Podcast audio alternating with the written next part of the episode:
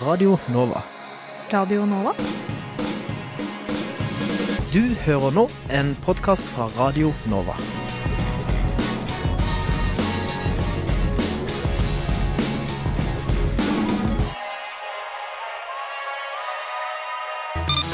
Studentnyhetene.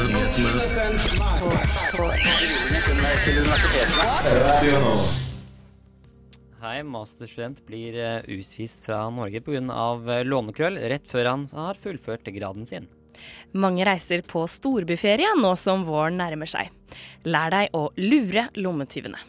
Og student, eh, student møtte veggen ved eksamensangst eh, når eksamensangsten ble for stor.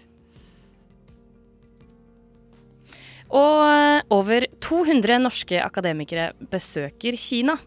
Men studentrepresentantene ble nektet å tale. Hjertelig velkommen til Studentnyhetene. Mitt navn er Ingar Hakko Feiring, og jeg har med meg Johanne Sumstad Artved. Men eh, først, Dagbladet kunne i går kveld melde at en norsk 21-årig student er savnet i Sør-Afrika. Marie Sætre Østby fra Stavanger ble sist sett på en strand i Chedsfield onsdag kveld mens hun gikk tur. Hun skal ha blitt igjen for å ta noen bilder, ifølge hennes studievenner. Det var de som meldte fra til politiet, etter at hun ikke kom hjem. Faren hennes, Atle Østby, har fått uh, opplyst av Kystvakta at de jobber ut fra to teorier. Hun kan enten ha blitt tatt seg et bad, eller blitt tatt uh, av strømmen, eller blitt tatt derfra ufrivillig. Politi, kystvakt og sivile startet en stor leteaksjon i går kveld, men den ble altså avsluttet ved mørkets frembrudd, og den gjenopptok klokka åtte tidligere i dag. Og Ifølge NRK så har letemannskapet funnet et par sko, en caps og en mobiltelefon som tilhører eh, jenta, i tillegg til overvåkningsmateriale. Men nå er det tid for eh, ukas nyhetsoppdatering.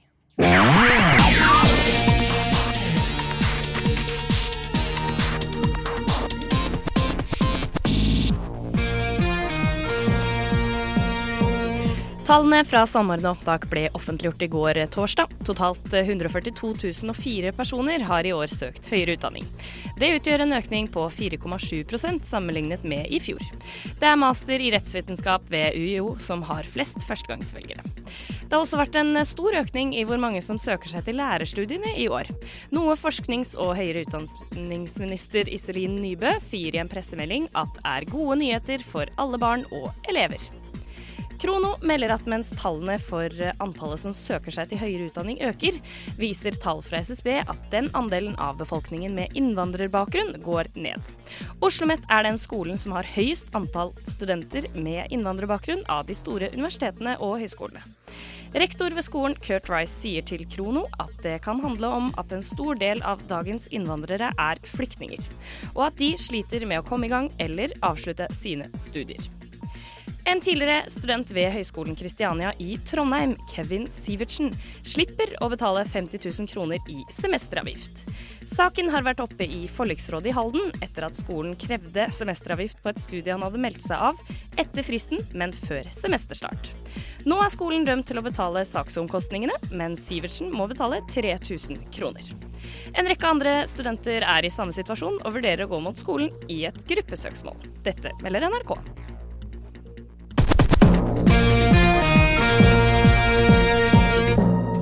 Det var ni grader nord med hymn her på Redanova. Og eh, nå har du noen gang jukset på en prøve, Janne? Jeg må jo innrømme at jeg har gjort det. Hele videregående gikk jo i å jukse for å komme seg gjennom, egentlig. Ja. Dessverre. Ja, for det kan jo være mye i penger i å jukse òg. Eh, for eh, grunnen til at vi snakker om juksing, det er at i Sverige nå så er det en jukseliga som har tjent over 10 millioner kroner på å selge svar på den såkalte høyskoleprøvet. Eh, komme, som er en prøve som man må ta for å komme seg inn på høyere utdanning. Uh, og de har holdt på i fire-fem år, uh, melder uh, en svensk Økokrim. Og hva tenker du om det, Johanne? det høres ganske avansert ut, egentlig. At de har klart å gjøre det. fordi At de kan på en måte gjøre det på en sånn prøve som er så generell. Alle må jo på en måte ta den for å komme seg inn.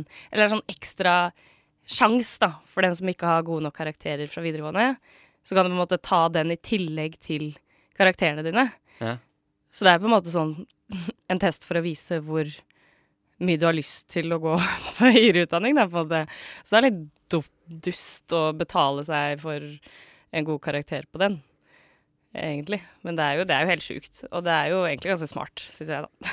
Ja, for Det har også gjort på en veldig sånn spesiell måte. For juksen foregår altså at man liksom har fått hjelp eh, via spesielle øretelefoner. Man har liksom Mm. fått svarene eh, rett, eh, rett på øret, og så Mm. Jeg skjønner liksom ikke Er de smarte nok til å klare den prøven, eller hvordan har de gjort det, på en måte? Det må være ganske avansert teknologi om de kunne bare få alle svarene liksom før alle andre, da.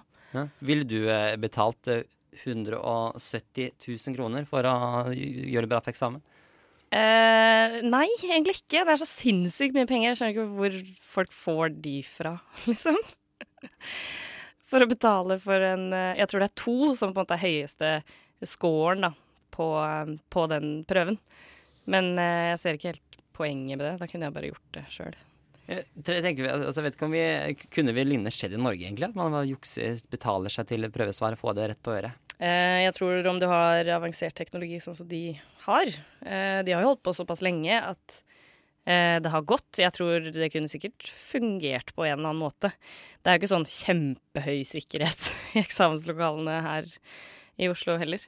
Så jeg vil tro at en og annen eksamensvakt kunne blitt briba der. Ja, for ellers har de har liksom spredd eh, ordet for denne tjenesten via eh, annonser på internett. Så det har jo på en måte åpenbart vært veldig sånn offentlig egentlig at det har finnes, da. Eller fantes. Ja. Og så er det sånn Ja, de holder på fem år. Ja, hvordan kunne, hvordan kunne skolen, skolene ikke ha sett at det har holdt på? Ja. Det er litt sjukt. Men eh, eh, det, er, det også, kan være mye juksing blant studenter i Oslo også. Eh, og neste uke så skal vi fortsette å snakke om juks blant norske studenter her på eh, Radio Nova. Eh, men nå eh, blir det F Far 500, Sebastian Zalo med tur. Fem Far 100, Sebastian Zalo med tur her på Radio Nova. Eh, De fleste er kanskje opptatt av eksamen i dagene fremover, men i mai og til sommeren så er det en rekke røde dager, og sommeren kommer for fullt. Så uansett så er det mange som er, vil reise bort, og da bør man kanskje helst unngå rommotiver. Vi har vært på reportasjer i Barcelona og fikk annet noen tips fra konsulatet, og, som daglig hjelper nordmenn uten pass og penger. Når studenter blir frastjålet ting, er det der dere de tar kontakt med? Hva skjer da? Ja, Vanligvis så tar de kontakt med oss. Det kommer an på hva som har blitt frastjålet. Eh, Det oftest er at de har blitt frastjålet eh, penger og pass. Nå, i hvert fall i de siste årene. Har du noen tips til eh, nordmenn, da? Det er vanskelig å gi, gi tips, fordi de, ja, de kommer stadig vekk ut med nye feller ikke sant, hvert eneste år. Men eh, legge igjen passene sine på eh, safen i hotellet er jo veldig lurt å ta med seg en fotokopi. Ta med seg kun eh, ut penger eller ett bankkort, og ikke hele vesken full med alle bankkortene og Ja, og det som også er litt viktig, å fordele verdisakene. Hvis de fleste har f.eks. to-tre bankkort, og ikke har de på samme sted, og kanskje investere rett og slett i et lite sånn tynt stoffmagebelte man faktisk har under klærne, på en måte, det er helt trygt. Sant? For det er lite vold i Barcelona. Det er mer sånn lureri at de eh, skubber borti deg, så avleder oppmerksomhet, så er tingene vekke. å passe på seg selv og passe på tingene sine. At de har, hvis de går med en, en, en, en ryggsekk eller ransel, ha den foran seg istedenfor å henge bak. For da kan man lett komme til bakfra. Og hvis man har væske, ikke sant, skuldervæske, at den henger foran. Man må aldri sette fra seg verken væske eller, væske eller eiendeler hvis man er på en bar eller en restaurant og sette det ned ved siden av seg på stolen. Man må ha det oppe på fanget, under bordet, og holde fast på det. Og så må de også være forsiktige, de nordmennene som kommer hit, eh, på ukjente personer da, som kommer bort til de ønsker kontakt. Eh, de kan være jeg håper å si, utkledd som turister òg. Kommer bort med kart for å avlede, sant? eller skal spør, late som de skal spørre om ting eller be om noe. Eh, det er typisk lommetyverier. Det var råd og tips fra visekonsul Elly Nord Mosle Gregersen og konsulærmedarbeider Margrethe Isaksen ved det norske konsulatet i Barcelona. Det var også et utdrag fra en av våre saker på vår reportasjetur i Barcelona, som vi har fått støtte fra Meddelsynet til å gjøre. Eh, Det, det, det vil også bli mer tilgjengelig fra Barcelona, egen egen podkastserie fra Studentnyhetene. Men i sendingen i dag så skal vi høre at NSO og ANSA blir nektet å holde tall i Kina. Radionova er best. Alle andre er tapere. Radio Nova. Mange studenter føler nerver og angst under eksamenstida. For eh, en student ble dette svært alvorlig før noen slo alarm. Nå skal vi høre et utdrag eh, fra onsdagens emneknagg. Nei, jeg trodde ikke at jeg skulle overleve, rett og slett. Ehm, det ble plutselig liksom tusen ganger verre enn en alt annet som noen ganger hadde skjedd. Det var tusen ganger verre enn å ta lappen, tusen ganger verre enn alle andre eksamener jeg hadde hatt. Eh, og det var veldig rart, for det var et fag som jeg likte, og som jeg følte at jeg var god i. Eh, og da karakteren kom, så hadde det jo gått kjempebra. Men eh, akkurat da jeg satt, eh, så hadde jeg liksom konstant panikk. Det at det var en universitetseksamen, eh, jeg vet ikke hvorfor det skjedde, men det liksom var så utrolig mye større enn f.eks. en videregående eksamen. Da. Hva er det som skjer med kroppen under en sånn opplevelse? For det er sikkert mange som tenker at det bare er mentalt og i hodet, men det er jo en påkjenning på kroppen også. Eh, kan du fortelle litt om det? Eh, I løpet av de to månedene så eh, fikk jeg et veldig veldig uregelmessig søvnmønster. Jeg spiste ikke sånn som jeg pleier. Og, og det som skjedde da, jeg vet ikke om det har en sammenheng, men hver gang jeg på en måte fikk en påminnelse da, om selve eksamen, eller liksom bare fenomenet skole i det hele tatt, eh, så kjente jeg det i magen. Begynte å grine. eh, Jeg var rett og slett et vrak. Håret mitt begynte å falle ut. Eh, Jeg gikk veldig mye ned i vekt. Og jeg hadde konstant klump i magen og i halsen. Det skulle veldig lite til før jeg bare knakk sammen og begynte å grine. Verken hos rådgiver på skolen eller em, i møte med lærere eller noe annet så følte ikke jeg at jeg klarte å få fram hvor ille jeg faktisk hadde det, og hvor mye jeg tenkte at noen satte seg ned med meg og sa men det her kan du jo. Det her går jo fint. Um, fordi jeg fikk ikke noe betryggelse da, på en måte, på at eh, jeg faktisk ikke kom til å dø av det. Uh, det ble på en måte bare vifta litt bort. Og da følte jeg at ja, da må jeg ordne det selv, og da ble det bare verre. Jeg tenkte bare at oi shit, jeg har ikke jobba godt nok det semesteret her. Jeg må jobbe bedre før eksamen nå. Og det er nok helt normalt å sitte og lese 20 timer i strekk uten matpause. Um, og jeg skulle ønske at noen, det være seg venner eller professorer eller noen, bare hadde sagt kan ikke du være så snill å ta kontakt med en psykolog? Eller bare vil du ta en prat om det? Eller bare et eller annet. Jeg, jeg følte at eh, uansett hvor jeg gikk, så, så sa folk ja, jeg kjenner meg igjen, jeg er stressa for eksamen, jeg også. Men de klarte å, å være sammen med venner og, og gå på forelesning og lese til eksamen i et normalt tempo, da. Istedenfor med svette nedover panna og gråtende. Det jeg tenker, som sikkert veldig mange også tenker, eh, er ikke hvor mye det krever. Eh, Jeg vet ikke hvor flink jeg må være for å klare det her. Eh, Og hadde vi hatt flere vurderingssituasjoner, så hadde jeg nok fått den bekreftelsen mye tidligere på at du ligger à jour med stoffet. Du ligger sånn cirka der du skal. Eh, Det her går bra hvis du bare fortsetter det i det- sporet. Eh, Men sånn som det var, så fikk jeg jo ingen betryggelse noe sted da, på veien. Og det var heller ingen lærere som eh, ga noen tilbakemeldinger på noe vi leverte inn. Eh, Og da blir det vanskelig å vite hvor du ligger. Eh, Og om du vet at du er sånn passe, så er det mye lettere å ikke stresse for å stryke på eksamen. Her hører du jo et veldig ekstremt eksempel av hvordan det kan gå. Dette var forresten en student ved UV-fakultetet som heter Sara Sørnes. Og hun eh, Jeg snakket med henne under denne perioden her, og hun fortalte meg om det som hadde foregått. Eh, I ettertid så tenker man jo man kan jo være den personen som sa gå og få hjelp, men det er litt skummelt. eh, sikkert. Um, for de som opplever en sånn situasjon, og de som opplever en venn da, som har en sånn situasjon, um, hva er det man kan gjøre sånn først og fremst som de nærmeste? Hva ville dere anbefalt å gjøre når det skjer noe sånt som dette her?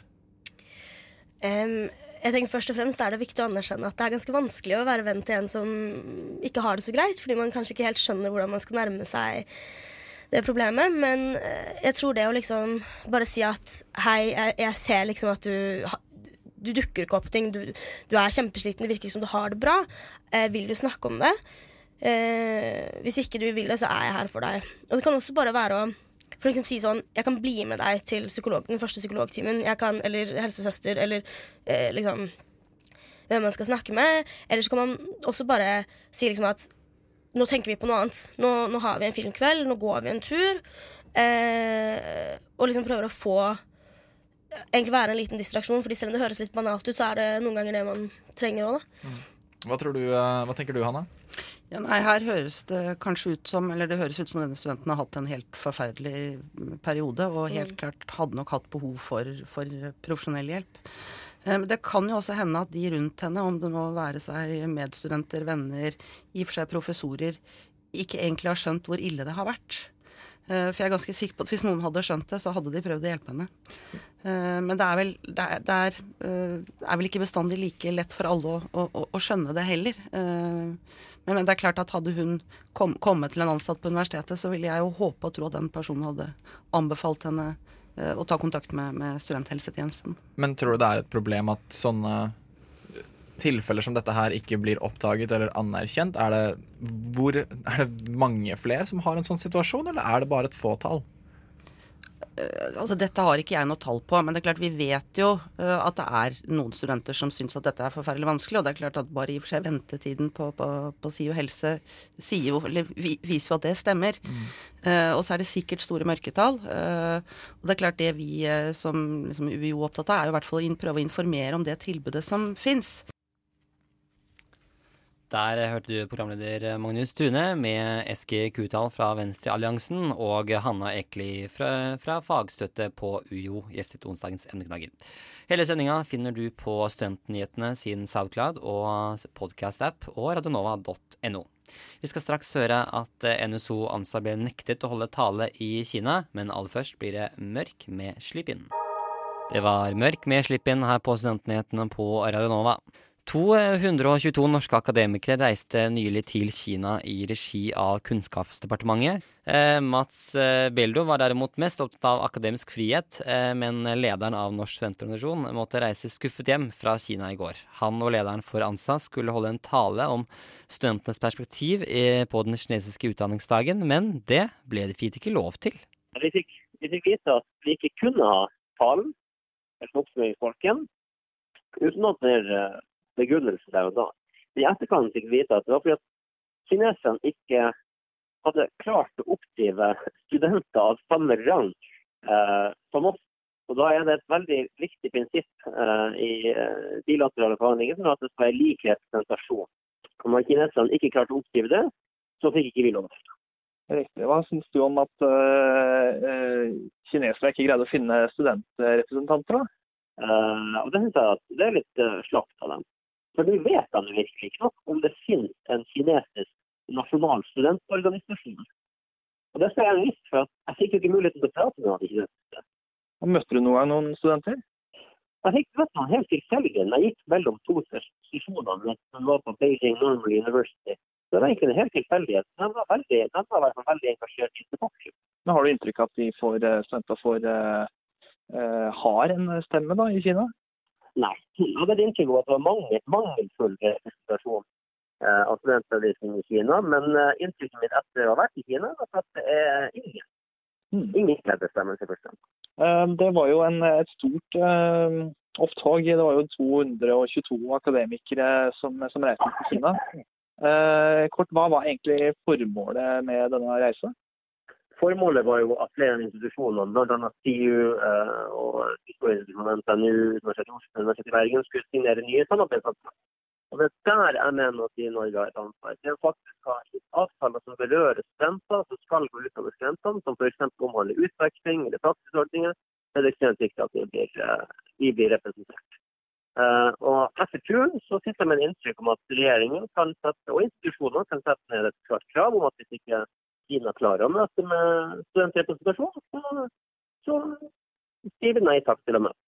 Hva tar du med deg, øh, og hva har du lært?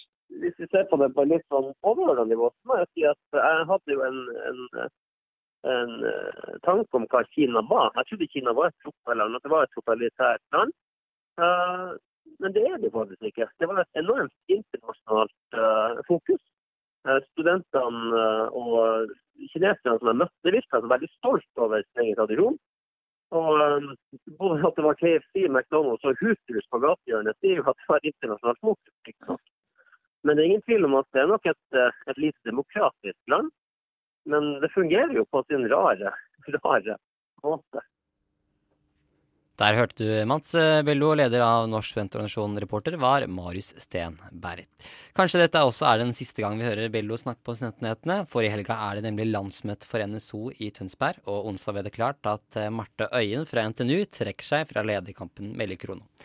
Valgkomiteen har innstilt Håkon Randgård eh, Michaelsen fra UiB til ny leder. Han får likevel ha konkurranse fra Ida Østgulen og Kai Steffensen Østersen. Men nå skal vi ha hjelp med gule lys. Det var hjelp med gule lys eh, her på Radionova. Vi skal snakke om noe helt annet. Studenten Cedric Lovosa Gustova ble bedt om å forlate landet etter at han hadde betalt tilbake et lån fra til sin mentor Torleif Bilstad for tidlig. Grunnen er at, eh, at, han tok opp dette lånet, var for å oppfylle en garantisum selvbetalende, som selvbetalende utvekslingsstudent for å få godkjent studentvisumet sitt. Cedric hadde lånt disse pengene for å få visumet sitt godkjent, og pengene sto på Cedrics konto gjennom hele studieåret, utenom en periode på ti dager. Det strider med UDU sitt, regelverk om selvbetalende utviklingsstudenter, siden det var en periode fra 20. til 30. august hvor Cedric ikke hadde pengene på sin konto. Ble han flagget av UDI, og advokaten til Cedric sier at pengene alt, alltid var til Cedrics disposisjon. For meg så ser det helt uforståelig ut. Den virker veldig firkantet. Jeg vil jo tro at uh, altså, det dreier seg jo kort og godt om at gutten har vært flink og tilbakebetaler et lån. Og at han har fått et lån i Norge, det er jo akkurat sånn som alle andre studenter. Og han har jo allerede da vært tre år i Norge. Jeg har bedt om å få informasjon, og jeg har bedt om at den utkastelsen blir uh, at den utsettes i tre måneder. Slik at han kan gjøre masteren sin ferdig. Mm. Studenten er innstilt på å reise tilbake til Madagaskar for å arbeide der med de vannprosjektene som han jo er spesialist på. Hvor uh, mye betyr uh, nettopp det at han, uh, han tar en sånn mastergrad og, og, reiser og bruker den i Madagaskar? Hvor mye betyr det? Har en, har en viss betydning for senere ansettelser og prestisje der ute at man har et dokument som man kan vise frem fra Norge det er klart at det betyr mye. Det er veldig stort behov for den type kunnskaper på Madagaskar. Der hørte du generalkonsulen til Madagaskar, Finn Andersen. I et brev til Utlendingsnemnda, også kjent som UNE, forteller han at uh, han har sett over saken, og at hele etter hans oppfatning dreier seg om en misforståelse. Han forteller også til Studentnyhetene at han prøvde å ringe UNE, men da ble han møtt uh, der ble han bare møtt som folk som omtalte han som snobbede karer, som mente at han ikke hadde noe med saken å gjøre, noe som Wien-konvensjonen sier han har. Eh, og vi har fått en kommentar fra UNE. Eh, for å få en studietillatelse i Norge, så er det et vilkår at personen eh, dokumenterer at den har evne til å forsørge seg sjøl. Og Det kan en bl.a. gjøre ved å fremlegge kontoutskrift som viser at den har nok eh, penger. Men det er sånn at det må være en realitet i det her. Det må være sånn at han faktisk disponerer de her pengene til å dekke sine daglige utgifter. Og UNE mener da at eh, August Save har gitt eh, uriktige opplysninger om sin eh, privatøkonomi, og at det har vært overføringer til og fra konto på litt gunstige tidspunkt for at det skulle fremstå som at han hadde evne til å forsørge seg sjøl, men at det ikke var penger som han kunne bruke fritt. Og da innebærer det at han har gitt uriktige opplysninger om sin eh, privatøkonomi for å få en tillatelse eh, til å studere som han ellers ikke ville fått. Og det å gi uriktige opplysninger til norske myndigheter, det er alvorlig, og det er helt i tråd med eh, vanlig praksis at man da blir utvist. Ja, riktig. Men eh, slik det eh, kan framstå eh, fra Cedrics uttalelser i media og fra hans mentor, Eh, seg til Stavanger, så kan det jo virke som om man hadde tilgang til disse penga, men at det hele beror på en misforståelse. Ja, UNE har jo vurdert eh, alle opplysningene i saken eh, nøye, og da også uttalelser fra de som har gitt Eh, gitt lån til eh, eh, August Have. Og vi mener jo basert på de, de, opplysningene som er i saken, at her har det vært overføringer for at det skulle fremstå som at han hadde eh, kunne disponere disse pengene fritt, men at det i realiteten har vært overføringer for at eh, eh, ja, altså at det ikke var ment at han skulle bruke disse pengene i sitt daglige eh, forbruk. Det var en kommentar fra Mats Risbakken, seksjonssjef eh, i Utlendingsnemnda. Og UNE mener også at eh, konsulen til Madagaskar ikke har eh, riktig fullmakt fra Cedric for å involvere seg i saken. Vi har også prøvd å få en kommentar fra advokaten til August Augustave, men det har vi dessverre ikke fått. Og denne saken er endelig ikke avgjort, men den skal bli behandlet av eh, Oslo byfogd en gang i mai, og den foreløpige datoen er satt til 3. mai. Så vi får se hvor lenge han blir.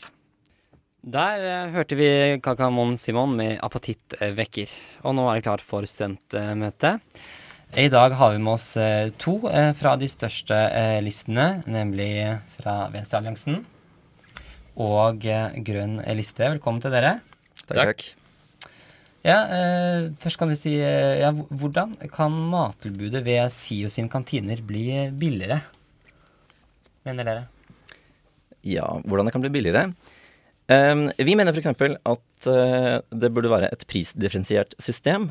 Um, I dag er det jo sånn at du betaler like stor kilopris i uh, f.eks. Fredrikke-kantina uh, på biff som brokkoli. Det mener vi er helt feil. Um, så vi mener det burde være et system hvor du f.eks. hvis du bare spiser vegetarmat, uh, så burde du betale mindre for det. Så det er en måte å gjøre det på. Uh, så vi vil også ha kjøttfri dag. Um, kjøtt er dyrt, og det reduserer prisen. Um, generelt bedre vegetar- og vegantilbud. Grønnsaker er billigere, og det er én måte å gjøre det på. Hva med deg, Johannes Aastad? Eh, mener du at eh, lønningene til de som sitter i SIO-ledelsen kanskje burde gå ned for at maten i kantina skal bli billigere? Jeg er veldig enig i at den burde gå ned, eh, og det er jo flere ting man kan bruke det på. Vi har f.eks. lyst til å bruke det på bedre og billigere tannhelse til studenter, men billigere mat er også en mulighet å se på. Det er i hvert fall veldig mye penger å hente der, som Mm. kunne blitt brukt bedre. Mm. Eh, bør SIOs enerett til matservering oppheves? Hvorvidt det er en enerett eller ikke, er jo en debatt som på en måte går kontinuerlig i, i studentparlamentet og andre steder. Eh, Vi mener ikke at de har en enerett. De har kanskje enerett på en del former for servering. Eh, Og fordi på en måte SIO er så lette å snakke med som de er, og fordi vi har et talerør inn til dem, så vi, mener vi at de burde beholde den posisjonen de har. Og så kan vi heller jobbe for å få dem til å samarbeide bedre med oss. Jeg bør flere av eh, SIOs virksomhet overføres til private aktører? Ja, eh, først vil jeg si at altså, Grønn vil ha bedre, billigere og bærekraftig mat i kantinene. Eh, hvorvidt det er SIO eller noen andre som leverer det, det syns ikke vi er så farlig. Og vi er derfor åpne for å legge ned det såkalte SIO-monopolet. Det er helt riktig, det er ikke et eh, egentlig monopol, men det er SIO som nå har rett til å eh, enerett på å servere i kantine, f.eks. Vi mener f.eks. at du skal, kan åpne opp for eh, et anbud hvor flere kan få lov å eh, levere anbud på om de kan eh, gjøre en bedre jobb. Hvis de kan gjøre en bedre jobb enn SIO, så mener vi skal vi gjøre det. Vi tror også konkurranse kan være sunt for, eh, eh, for SIO. Mm. Eh, det skal sies at vi egentlig skulle ha Fremskrittslista her også, eh, men de har dessverre ikke kommet. De mener jo at eh, hele SIO-monopolet bør oppheves. Eh, hva tenker du om det, Johannes? jeg er jo veldig veldig uenig med dem. Mm. eh, av de grunnene jeg sa, fordi det på en måte det er SIO er en bedrift som skal være for studenter, og til dels av studenter. Det at vi har en student som på en måte sitter som leder i hovedstyret, og som er på en måte den øverste sjefen der. Og det er så mange gode premisser som er godt tilrettelagt for at SIO kan være det beste alternativet, og så gjør de ikke det beste ut av det. Eh, Mm. Det må vi jobbe med. Men vi syns det å arbeide med det er bedre enn å, å hive ut muligheten for å få til noe så bra. Men de er jo så store og mektige, og det er så mye penger der, på en måte. Mm. Hvordan, hvordan skal vi endre det, liksom? Nei, Vi har jo et, et talerør inn til dem med ganske stor makt. Nå er det jo Velferdstinget, som bare er innvalgte studenter, som skal revidere retningslinjene for det de kaller studentkantinene, som er den måten de driver, de driver sine serveringssteder på. Så vi har såpass mye makt, Mm. eh, selv om de er såpass store. Og som jeg sa, øverste leder er en student, som er valgt av studenter. Ja. Eh, Hvordan kan man minke matsvinnet til serveringsstedene ved UiA? Ja, eh, Vi mener det burde være ganske enkelt. Eh, Det er mange tiltak man gjør for å redusere matsvinn. Vi mener for det første at man bør redusere prisen på varer med kort holdbarhet. Og så kan man gi bort eh, overskuddet. Det er F.eks. i Oslo har vi Matsentralen videre, som kan gi eh, overskudd til. Studenter elsker billigere og eh, i hvert fall gratis mat. Så jeg tror ikke det er noe problem å kutte hvis de er villige til å gjøre det. SIO er ikke eh, hovedsakelig ute etter profitt, så det bør ikke være et argument mot det her. Mm. Og de, det her går jo ganske bra med den kutt eh, på Universitetet i Oslo. Ja, det er et kjempegodt tiltak. Mm. Johannes? Eh, Nå fikk vi inn i, eh, i det politiske grunndokumentet til Velferdstinget, som SIO må forholde seg til, at den tjenesten skal videreføres, og så skal man se på eh, måter å utvide den på. Og Foreløpig så er det jo bare én rett per dag som Kutt serverer, i hvert fall på Blindern. Eh, med Gourmet Fredrikke der. Eh, Så det er fortsatt i en veldig tidlig fase, og det vil være mulig å utvide det for å få et bredere og bedre tilbud. Mm. Og eh, før vi Ja. Ja, jeg vil bare gå tilbake til det med at vi kan eh, altså påvirke SIO for å få det bedre. Det er vi veldig enige om at selvfølgelig skal vi gjøre det, og det gjør vi jo kontrollerlig i, i Velferdstinget. Men eh, sånn situasjonen her er det jo ikke, det blir jo ikke så veldig mye bedre. Det er for dyrt, og det er for dårlig. Og derfor mener vi at vi kan åpne opp for eh, å avskaffe det såkalte SIO-monopolet. Um, noe av problemet med å påvirke SIO i VT, det er at altså, SIO er ikke transparent nok. Eh, helt, altså På sist møte så ble det utsatt å sende inn en, eh, et innspill til SIO, fordi vi har ikke innsikt i Mm. pengestrømmen internt til SIO. Og det mener vi er et stort problem, så vi er ikke mot SIO som sådan som aktør. Og vi mener at i en mulig anbudsrunde så er det helt mulig klart at eh, SIO kan vinne den anbudsrunden dersom de er best. Men slik det er i dag, så har vi ikke nok innsikt til å på en måte uttale oss om hvorvidt det er bra, bra veldig mye det SIO gjør. Um, ja. Så i bunn og grunn så er de over studentene, da. De har manglende gjennomsiktighet på en del ting, men det problemet er mye bredere enn SIO mat og drikke. Det er også et problem med f.eks. SIO bolig. Eh, Så vi blir ikke kvitt det problemet ved å, ved å overlate matserveringen til andre. Det er et problem vi må forholde oss til uansett. Så det er bedre å takle det heller enn å på en måte prøve å bli kvitt det. Ja, Vi skal snakke mer sammen, vi, men uh, først så skal vi ha Dark Times med Hot the Dead. Ja, det var Dark Times med Hot the Dead eh, her på Radio Nova. Og vi har fortsatt med oss Johannes eh, Ståstad, eh, Ståstad fra Venstrealliansen og Andreas Wroldset, Wroldsen unnskyld, fra Grønn liste. Og ja, hvordan ser dere på Venstrealliansen, som var, dere var da størst ved forrige valg, at Fremskrittslisten har foreslått å legge ned hele, hele parlamentet?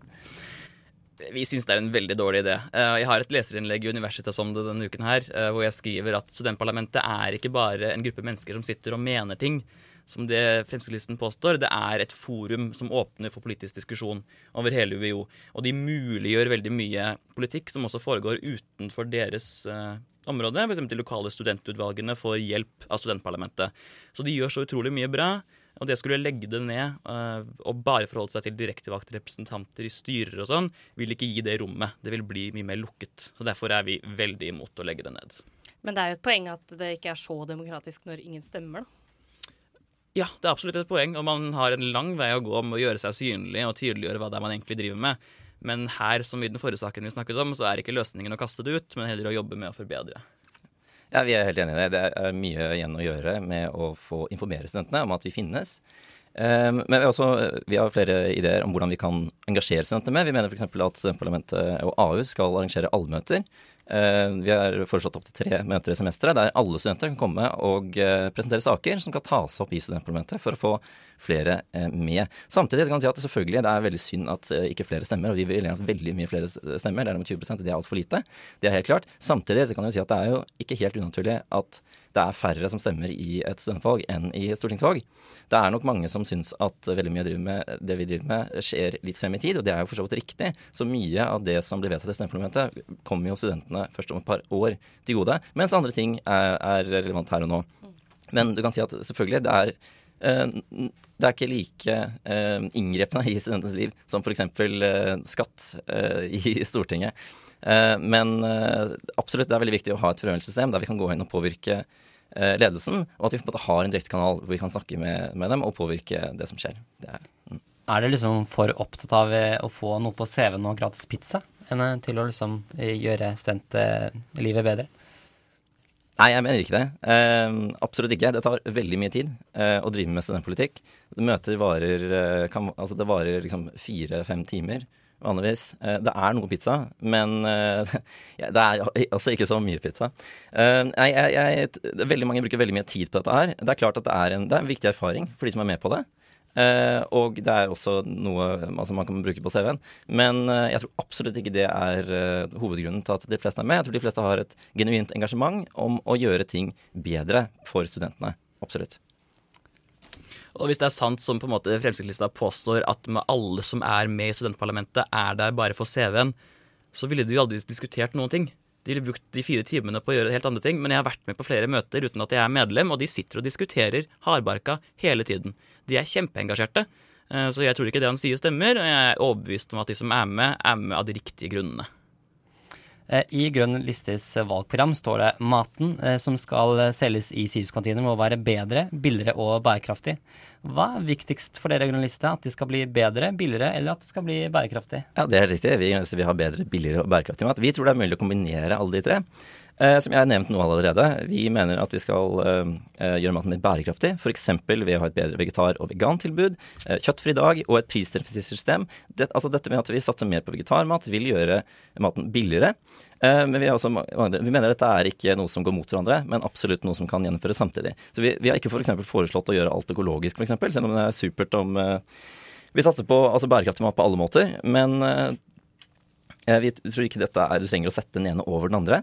Eh, det må bli eh, bedre. Kvaliteten må generelt bli bedre. Altså Sånn vi ser i dag, nå har det vært eh, en SIO-kokk som nylig sto frem og forklarte liksom hvordan det fungerer inni kanina. Det er ganske hårreisende, det han sier, uten at vi kan liksom ta alt for, god fisk. Altså Han snakket om at det ikke er fersk, det er ikke basilikum i pestoen. Det er å satse på vannholdig mat i noen av kantinene eh, som veier mye, og det mener vi ikke er greit. Så vi mener mange tiltak som kan gjøres for å få maten både bedre, billigere og bærekraftig, uten at det skal på en måte være utelukke hverandre.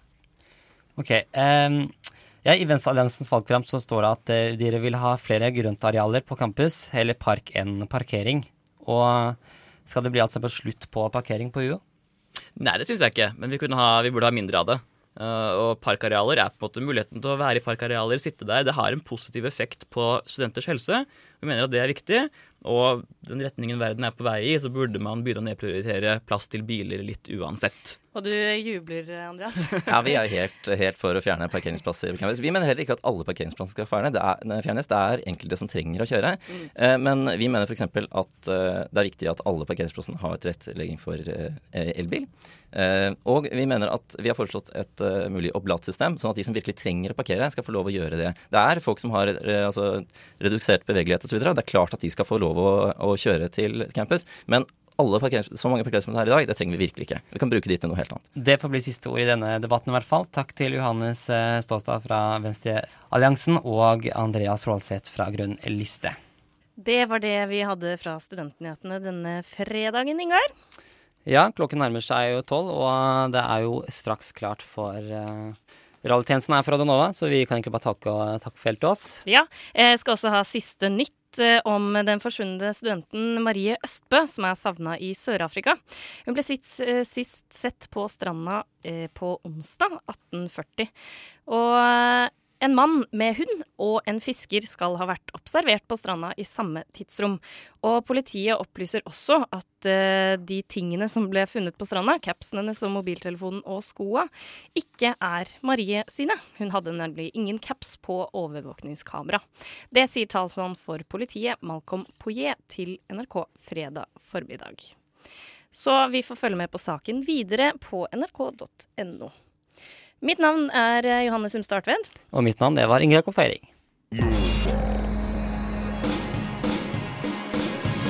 Du har hørt en podkast fra Radio Nova. Likte du det du hørte?